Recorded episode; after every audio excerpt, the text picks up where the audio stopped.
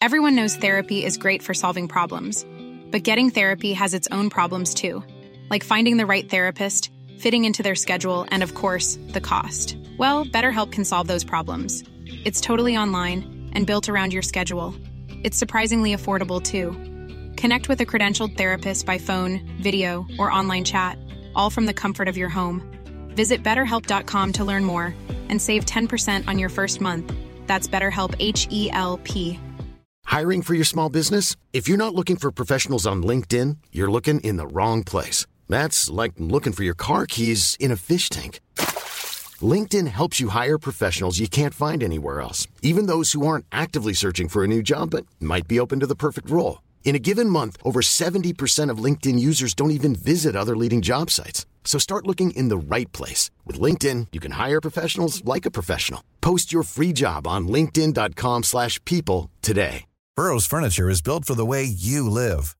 From ensuring easy assembly and disassembly to honoring highly requested new colors for their award-winning seating, they always have their customers in mind. Their modular seating is made out of durable materials to last and grow with you. And with Burrow, you always get fast, free shipping. Get up to 60% off during Burrow's Memorial Day sale at burrow.com slash ACAST. That's burrow.com slash ACAST. burrow.com slash ACAST.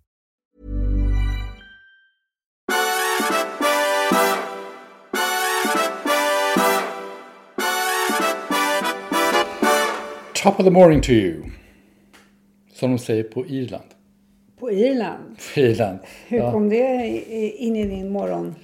Eh, I ditt morgonhumör? Nej, jag vet inte. Jag bara tänkte att jag skulle försöka låta lite uppåt. De gör det. Men jag vet inte om de säger det på Irland. Eller om det bara är i filmer man brukar se irländare säger Top of the morning to you. På Nej. ett eh, oförskämt sätt. Aldrig någon som har sagt det till mig i alla fall. Tack Vilka- och lov. Känner du många irländare? För nu? Nej, men jag har varit där. Ja, det har också. Men det var länge sedan. Mm. Jag kan inte påminna mig att jag pratade med någon på morgonen då överhuvudtaget. Så jag vet Nej. inte. Ja, ja. Det var en början i varje fall. hade väl- Något, på något sätt ska man börja. hade väldigt god ost på Irland minns jag. Mm. Jag var imponerad av deras... Vad, vad var det för typ? Var det som cheddar? eller var de, det... hade alla, de hade sån enormt utbud av olika sorters ost. Jag var väldigt imponerad av det. Käkade de på, vad heter det hotellet? Heter det Sheridan? Heter det? Nej, vad heter det? Nej, det var inte på hotellet utan det var faktiskt eh, hos någon offentlig företrädare som hade två äldre damer som gick omkring med stora ostbrickor. Ja, men det där Jag känner jag igen. inte på vem det var. Men ehm, nej, det, var, det var en rolig överraskning. Ja. Tycker jag. Ja, ja. Ja, Det var Irland det. det var Irland. Nu har vi Sverige som ett större problem. ja, för oss i varje fall. Ja. Nobelstiftelsen, vad ska vi säga? Här, Ja. eh, här har man moraliserat. Heikensten har talat om att förra året så skulle vi inte ha Jimmy Åkesson på Nobelfestligheterna. Och i år så ska vi ställa det till rätta och dessutom så ska vi bjuda in alla ambassadörer som vill komma. Mm. Ja, för att eh, som eh, stiftelsen vd, vd säger Det nya. Vidar Helgesen att ett budskap som de vill skicka med är att kampen mot populism och polarisering är viktig och att man ska säkra demokrati och mänskliga rättigheter. Så från en politiserad och moraliserande position till nästa. Ja, kan man säga. Och de, det är så intressant för att de, det var ju så uppenbart redan från början när de hade den här Åkesson-idén att, att eh, Jimmy Åkesson ska inte bli bjuden trots att han då företräder andra största partiet i riksdagen och sådär.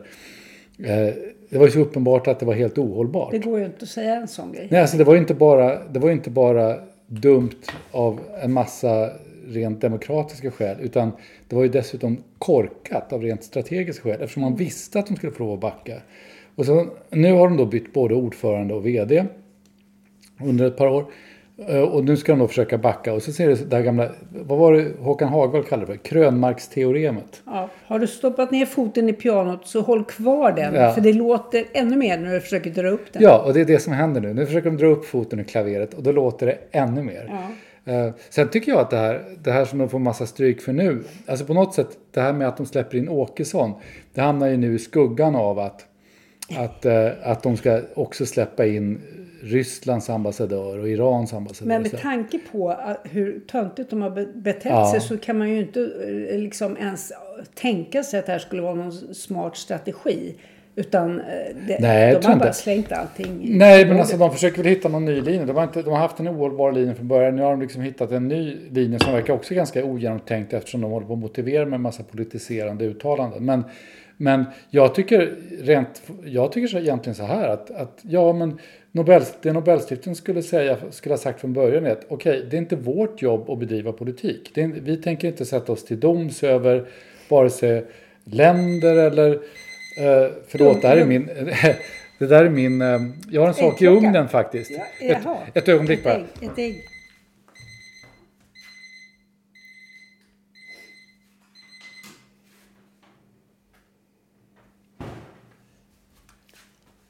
Jo. Eh, nu är jag tillbaka. Jag, jag visste inte att du skulle bjuda på, men jag tänkte på göra lite varmt. frukostbullar. Nej, men jag, håller Vad på, härligt. jag håller på att förbereda lunchen. Ja. Faktiskt. Men, men det som... Eh, eh, jo, men det som är lustigt med det här är ju att det de skulle ha sagt från början är ju att vi håller inte på med politik. Det är inte det vi gör. Vi, delar ut, eh, vi, vi är ansvariga för en organisation som delar ut priser för de bästa vetenskapliga prestationerna på olika områden. Ja, men det finns ju ett problem med det här. Hur gör man? Om man ska man inte dela ut pris till ryssar eller? Eller i radion Nej, jag vet inte. Alltså, nu sitter ju sedan ett antal år eh, den ständige sekreteraren i Svenska Akademin, Mats Malm, med. Och kunde inte han ha hjälpt dem att tänka till här? Alltså, det är väl ändå på något sätt lite grann Svenska Akademins vad, är det? Snille och Smak. smak. Fast jag tror, fast de har ju, jag vet inte om man, de man ska vända sig till i kristider, de har inte riktigt visat det heller. Nej, men nu sitter ju han i den eniga styrelsen så det går inte att... Jo, jag vet, men alltså, att han skulle vara någon räddning med tanke på hur de hanterat allting sen Rushdie-krisen är Ja, det ganska inget osannolikt. snill och inget smak. Ja, alltså i varje fall är det ju inget politisk fingerfärdighet. Alltså, det är ju men det skulle vara intressant att höra hur diskussionen i, i styrelsen för Nobelstiftelsen har sett ut. För jag, kan, jag har svårt att tänka mig att alla som sitter där eh, ty, har tyckt att det här har varit en bra grej från början. Det är ganska En, svårt tänka sig. enig styrelse. Ja, Är från början. Men nu verkar den... Ja, nu är den väl enig när de ska, ska ta sig ur det här. Så alla inser väl att de måste ta sig ur det. Men det, är- det är så klantigt skött från början. Ja, Nåväl. jag är inte så glad att jag är svensk. Nej, alltså just det här gör väl inte att man känner sig sådär överdrivet eh, stolt. Uppåt. Nej. Men, men det är ju någonting att fylla, det är någonting att fylla spalterna med. Det, det, är alltid, det är roligt att det liksom, nu är det alltid någonting kring Nobelpriset som är lite skandalöst. Först stod Svenska Akademin för det, nu står Nobelkommittén själva för det. Alltså helt enkelt pinsamt. Ja, fast är normalisering kanske man kan säga. Normalisera. Ett annat eh, eh, område i, i samhället som ju där Mm. Ja. den låga nivån är institutionaliserad nu. Eh, tycker jag det verkar som är den svenska sjukvården. Jag förstår faktiskt inte. Nu eh, väntas det ju bli brist på vad de kallar för penicillin som jag trodde hette antibiotika. Men eh, det är i alla fall ett rubrikord. Penicillin. Bristen väntas förvärras till influensasäsongen. Ja, det visar ju sig att man får frågan, äntligen, tack och lov, här i Svenska Dagbladet för ett tag sedan. Eh, vad är det här, eh, vad beror det på? Varf- ja, då får man svaret att vi ska bygga upp lager på olika ställen. Och så här. Men då är frågan, varför har man inte gjort det sedan tidigare? Ja, men det har nog framförallt att göra med att det kostar att ha stora lager och tar utrymme. Jaha. Men det är väl en kombination av saker, är det inte det? Är det en kombination av att, att staten som, eh, som eh, i sina mest grundläggande uppgifter har backat och att man har börjat, och allting ska marknadiseras, så liksom allting ska vara just in time, så man har inga lager. Det är väl en kombination av det. Ja. Man, man, alltså både, både marknaden och staten fallerar. Och då måste man upptäcka det genom att hamna i en, Ja. något av en krissituation. Det är Ja. först då man kan tänka den tanken att så här är det nog tror det. dumt att göra. Tror du? Ja. Det, men det är ju inte, det är inte bara skolan. Jag hörde ett intressant inslag i, eh, på P1 i, jag tror det var i förrgår. Nej, nej, det var det inte. Det var nog i, till och med i onsdags. Eh, där jag var på väg. Jag var på väg att köpa en ny häcksax för vår hade skurit. ja, Det händer. det händer. Eh, Och då hade jag på radion. Och då visade det sig då att eh, du kan komma in på lärarhögskolan med hur dåliga betyg som helst. Jaha. För det är ingen som vill komma in på lärarhögskolan. Så i stort sett så alla som söker kommer in. Eh, och då pratar de om det här på, att det är ett problem på olika sätt. Till exempel att hälften då hoppar av. Vilket man, ju, man måste vara ganska glad för att de gör. För att om inte hälften hoppar av, man får hoppas att det är de sämsta. Så skulle liksom det bara vara folk med usla betyg. Det Som, kan vara de bästa som inte står ut med den låga nivån. det är möjligt, det vet man inte. Jag bara försöker Ja, hoppas att det, att det inte så. Men, men, det, men det pratades faktiskt lite mindre om det faktum att det som ändå var det som alla tänkte på. Nämligen att, okej, är det verkligen så att vi ska ha de människor som har gjort sämst ifrån sig i skolan och vara lärare i fortsättningen? Och då var det en, en då, det var också ganska intressant. Det visade sig då att det här tror jag var på Göteborgs universitet, lärarprogrammet där. De heter programledare. De som, de som är chefer för, för utbildningarna. Programledare. Så det var alltså två programledare som pratade med varandra, men olika typer av programledare. Så det var Sveriges Radios programledare pratade med programledaren för lärarprogrammet Göteborgs universitet. Och då kom hon med det, som jag hörde på hennes röst, att hon tyckte själv, väldigt radikala förslaget att det kanske ändå ska vara så att de ska bli lärare ska ha C i svenska och matematik, kanske till och med samhällsvetenskap. Därför att? Ja, för att de ska ha nog nivå. Det vill säga, de ska åtminstone, de Ja. ska bli lärare ska åtminstone vara mediokra. De ska inte ha högst betyg. Nej, det var inte det. Poängen var ju att då alla kom ju in. Men, liksom, men att, att de då pratar om det på det här sättet, att de tycker att det är, det, är, en, det är en radikal reform att lärare ska ha åtminstone mediokra betyg i de mest centrala ämnena. De ska kunna prata lite svenska och räkna addition och sådär. Ja. Blir man inte och då, och då gick jag hem. Då gick jag hem och tänkte att det här var ganska intressant. Så jag började slå lite grann på det här. Och upptäcker då att för exakt tio år sedan, eller inte exakt, för det var på våren 2013. Så var det en, en stor, eh, ett stort reportage i Sveriges Radio om att vem som helst kommer in på eh, lärarlinjen. Eh, DN hade gjort en undersökning som visade att om man slumpar, om man satt sig och tog högskoleprovet och slumpade fram svaren, man använde en tärning eller eh, påse, sax, sten eller vad man nu kan använda för någonting, eh, så kom man in på lärarlinjen. Vilket år var det där du läste? Ja, det var 2013 på 13. våren. Ah. Så det är tio år sedan. För tio Och år då så var, det någon, lika illa. och då var det någon som ännu inte då på den tiden hette programledare. Han hette faktiskt dekanus fortfarande. Mm. Men det var eh, motsvarigheten antar jag till dagens programledare på Malmö högskola som sa att de upplevde inte det här som ett jättestort problem för de tyckte att folk eh, blev bättre under tiden de utbildades. Vilket kanske förklarar varför vi har ett jättestort problem tio år senare, Ja. tänkte jag. Med folk som inte kan riktigt svenska och sådana där saker. Ja, alltså, det, det den här människan berättade från, när programledaren från Göteborgs universitet berättade var att de får ägna ganska mycket tid åt specialundervisning för lärarstudenter för att de ska kunna lära sig svenska, matematik och de mest basala sakerna. De ska sedan Man alltså bli man, lärare. Man har flyttat upp problemen. Ja, men det där, ja. ja.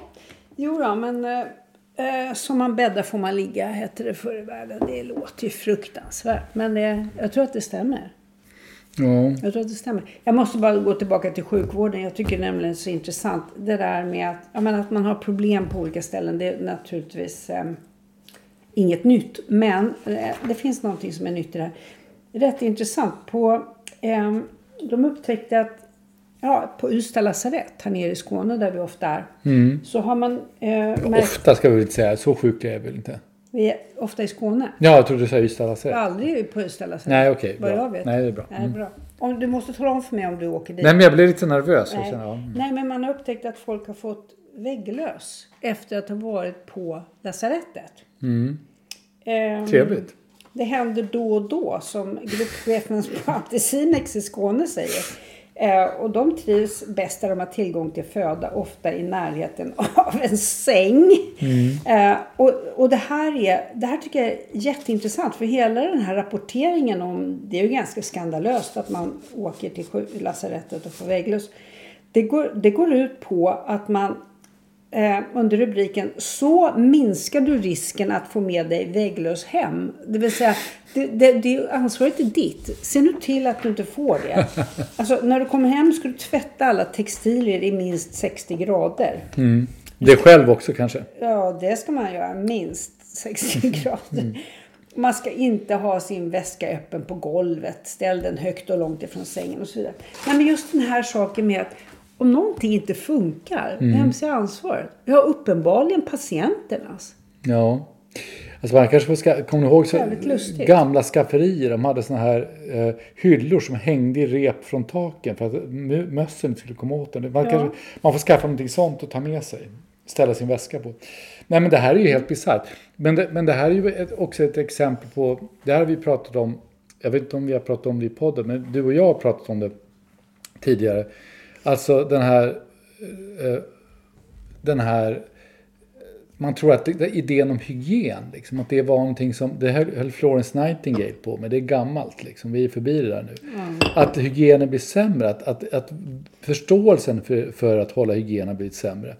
Att, jag menar, du, var, du berättade liksom att du var hos en läkare som, som tvättade händerna, eh, eh, Som inte... som inte händerna, tog på sig ett par handskar som skulle vara anställda. Och sen började du gå igenom alla skåp för att leta efter Med någonting. handskarna. Med handskarna på. Tog i alla handtag. Så här, Ja. vilket ju Man, och, man är ju lite i underläge. Man, man kan ju inte peka och säga app, app, app, app och, och sen så tvättfatet där man skulle tvätta händerna, där låg låg hennes en- telefon på laddning. på laddningen. Ja. Ja. Nej, men det, alltså det finns ju någonting med det här som är lite märkligt som, eh, som handlar just om det. Men, men sen finns det ju en annan sak och det tycker jag, vi är ju i den här åldern nu när eh, eh, våra vänner blir skraltiga och vi blir ibland också.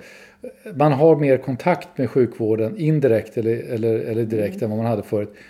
Och man slås ju av att det här verkar vara en totalt desorganiserad verksamhet. Ja, så det här är en, en eh, jag vet inte, på vissa håll verkar det vara mer eller mindre en slumverksamhet. Alltså det, det finns nämligen ingen som tar ansvar. Man, om man frågar så, nej det kan inte vi göra. Vad ska jag göra det? Nej, det vet inte vi. Alltså den där idén om att patienten är någon i centrum och den borde få omsorg. Så det är den ena delen, vilket är ren empati och kanske det som man tänker på ett välfärdssamhälle. Den andra delen är ju att det är faktiskt så att de allra flesta som bor i Sverige har eh, betalat skatt för att få sjukvården. Och, och sen får man liksom den här uppfattningen att eh, det här är inte vårt problem. Då, då upp, in, uppträder ju det som, som, eh, som gör en del ro- rosenrasande när man säger det. Men om man betalar två gånger så får man. Det vill säga om Fast- man skaffar en sjukförsäkring. Fast nu verkar det vara tre. Alltså Ja, jag har hört flera exempel på att man dels har en sjukförsäkring genom sitt eget bolag eller någonting eh, och betalar skatt förstås. Och sen så fyller inte sjuk- sjukförsäkringen det utrymme som man hade hoppats på så får man ändå gå liksom en tredje led och köpa privatvård helt enkelt på egen hand. Så att, att eh, på något sätt så är det ju ehm, det är, men alltså jag, jag är så fascinerad av den här typen av organisationer som alltså är totalt, verkar vara totalt eh, förstörda. Det finns liksom ingen, det finns ingen fungerande det finns ingen fungerande kommunikation, ingen fungerande tra tradering av information, ingen... eh, Alltså det är så mycket som... Vi har haft flera exempel på vänner som, som eh, ska- ska göra någon typ av operation eller någonting. Och så, de blir liksom inkallade på fyra dagars varsel för att göra någonting på en konstig tid, en vardag.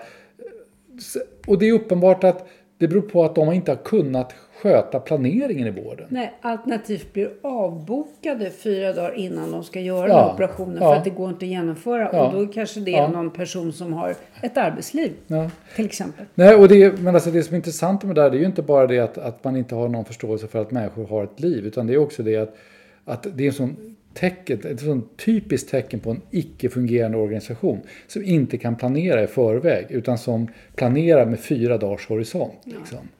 Det är väl det, det, det där som är, det där ger ju liksom verkligen, det är verkligen tecknen på att vi har en sjukvård som, som inte fungerar längre organisatoriskt. Alltså jag bara går och väntar på den här dagen när, när det blir liksom en allmän eh, känsla av att man blir vansinnig på det här. Vad kommer folk att göra? För vi vet att frågar man människor vad är viktigast för dig så brukar det vara vården. Och sen omsorgen och sen är det skolan. Och nu för tiden har säkert försvaret eh, eh, liksom seglat upp. Men, men när man upptäcker att eh, men du har betalat för ingenting.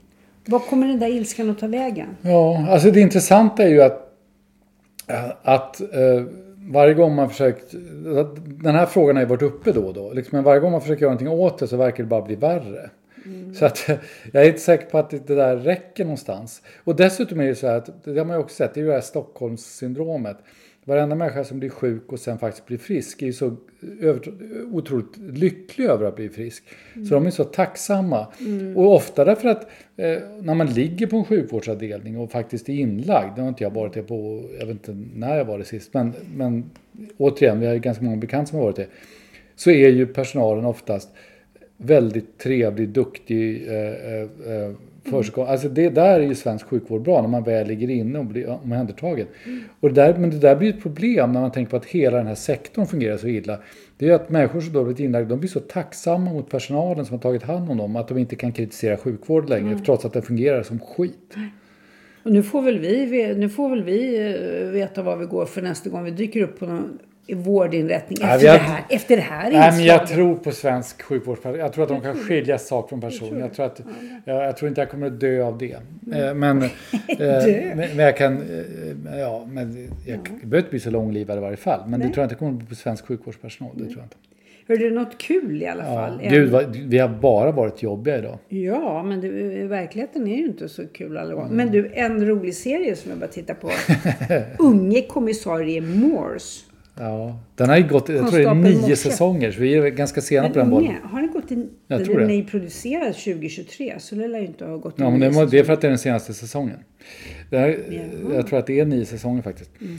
Men, ehm, men saken med den är, är att eh, jag tycker det är ganska roligt, för jag var ju en stor fan av originalserien Kommissarie Morse med mm. John Thaw som ju tyvärr är död nu. Han hade här dropfoot, kommer du ihåg det? När ja, han gick. Att hans högerfot mm. liksom och så hade, vid vissa tillfällen var han väldigt lik din pappa, min svärfar. Ja, det var och det, Salig åminnelse. Salig åminnelse. Och det roade mig också. Men jag gillade både de böckerna, men kanske ännu mer tv-serien. Eh, och det roliga med den här nya tv-serien, det är ju att, att för jag, jag, tycker du har rätt i det, att den, är, den fungerar rätt bra. Mm. Det är att den är väldigt påkostad. Varje avsnitt är ju nästan som en liten långfilm, det är en och en halv timme eller sådär va? Mm. Ja, det är en och en halv timme. Ja, och eh, och det är väldigt fina Oxford-miljöer och sådär. Men mm. sen är det så att de har byggt upp det på exakt samma sätt som originalserien. Vilket är ganska modigt för att det är länge sedan originalserien gjordes. Det är, alltså, mm. det är mycket sådana här olika scener mellan olika personer i början och sen så dras det ihop och sen så... Mm. Eh, det, det, där tycker jag att det är intressant att de vågar göra det så gammaldags. För det i sin tur är baserat på hur Colin, eh, vad heter han, Colin Dexter, vad heter han det, skrev eh, sina romaner. Eller deckare. Jag måste säga att eh, jag är lite fascinerad över hur mycket brott de får in ja. i varje avsnitt. Eh, mm. Ibland kan jag tänka så här att nej men det där, det, det, där, nu orkar vi inte mer. Man får jobba lite grann på suspension och disbelief här. Liksom. Ja. För att det om folk skulle dö på det här sättet i Oxford, bli mördade på det här sättet i Oxford, så, så skulle det vara eh, värre än Men det är väl precis Detroit. det där, just Därför att eh, England är ett ganska fridfullt samhälle eh, generellt sett och eh, jämförelsevis så, mm. så orkar de med den här brottsligheten. Sverige idag, jag tror inte vi skulle orka mer med alla de här skjutningar och explosioner, att vi skulle orka med den här typen av skön, skön eller dramagestaltning av, av Sverige idag för att det skulle bli, liksom, bli alldeles för nära verkligheten. Ja, alltså det, en, finns ju en klassaspekt på det här också. Liksom att, att, att Oxford, det, Oxford är ju town och gown i och för sig. Liksom. Och gown är ju universitetet, town är det vanliga. Och det, där finns det ju en stor industri. Oxford var ju en stor industristad också. Mm. Där tillverkades ju Morrisbilar och sådär till exempel. Hitler bombade det inte därför att han hade tanken att han hade tagit över England så skulle Oxford bli nya huvudstaden. Så han bombade aldrig Oxford trots att det var en, en industristad, vilket vi kan vara glada för. Men, men poängen är ju liksom i det här med Morse att det blir ju en klassgrej också. Alltså, nästan alla de här brotten begås ju i övre medelklass eller, eller överklass. Mm. Eh, I akademin liksom. Och när man gör svenska serier av det här slaget numera så måste det ju alltid handla om förortsgäng och, och eh, kriminalitet och Rinkeby-svenska. Det här är ju liksom motsatsen till det. Ja. Mm. Och jag säger inte att det är dåligt. Eh, vi har inte den tradition som England har. Men det här är ju en, Det här är ju mer alltså så här, det här ligger ju i Agatha Christie, Mrs Marple, den här typen av saker. Och det hade väl kanske inte heller varit lika roligt i Skottland som ändå är bra mycket mer Skottland- brottsbenäget. Vi, vi ska inte öppna den, that can of worms, men skottar är ett, eh, eh, they're a cruel race som det heter. Ja. De är tuffa. ja, men eh, nu har vi kanske... mm, Nu sen, Har vi inget mer att säga? på övertid. Har du något mer så kör. Äh, jag vet inte, jag hade några olika saker men det är bara gnäll. Så jag tänker att vi behöver inte gnälla mera. Nej, Vi kan väl lämna det. Kan, allt gnäll brukar räcka till nästa vecka. ha en kul eh, lördag. Ja, det tycker jag. Mm. Det finns alla anledningar att försöka så gott man kan. Och jag tycker, får du en inbjudan till, inbjudan till Nobelfesten. Tacka. Tacka ja, Tacka tycker ja. jag. Tacka ja. Avboka hårfrisören. Ja. Var, var inte stingslig Nej, utan var, gå. var lite generös. Var lite generös. Eh, Vi säger så. Ja, det gör vi. Hej då! Hej hej!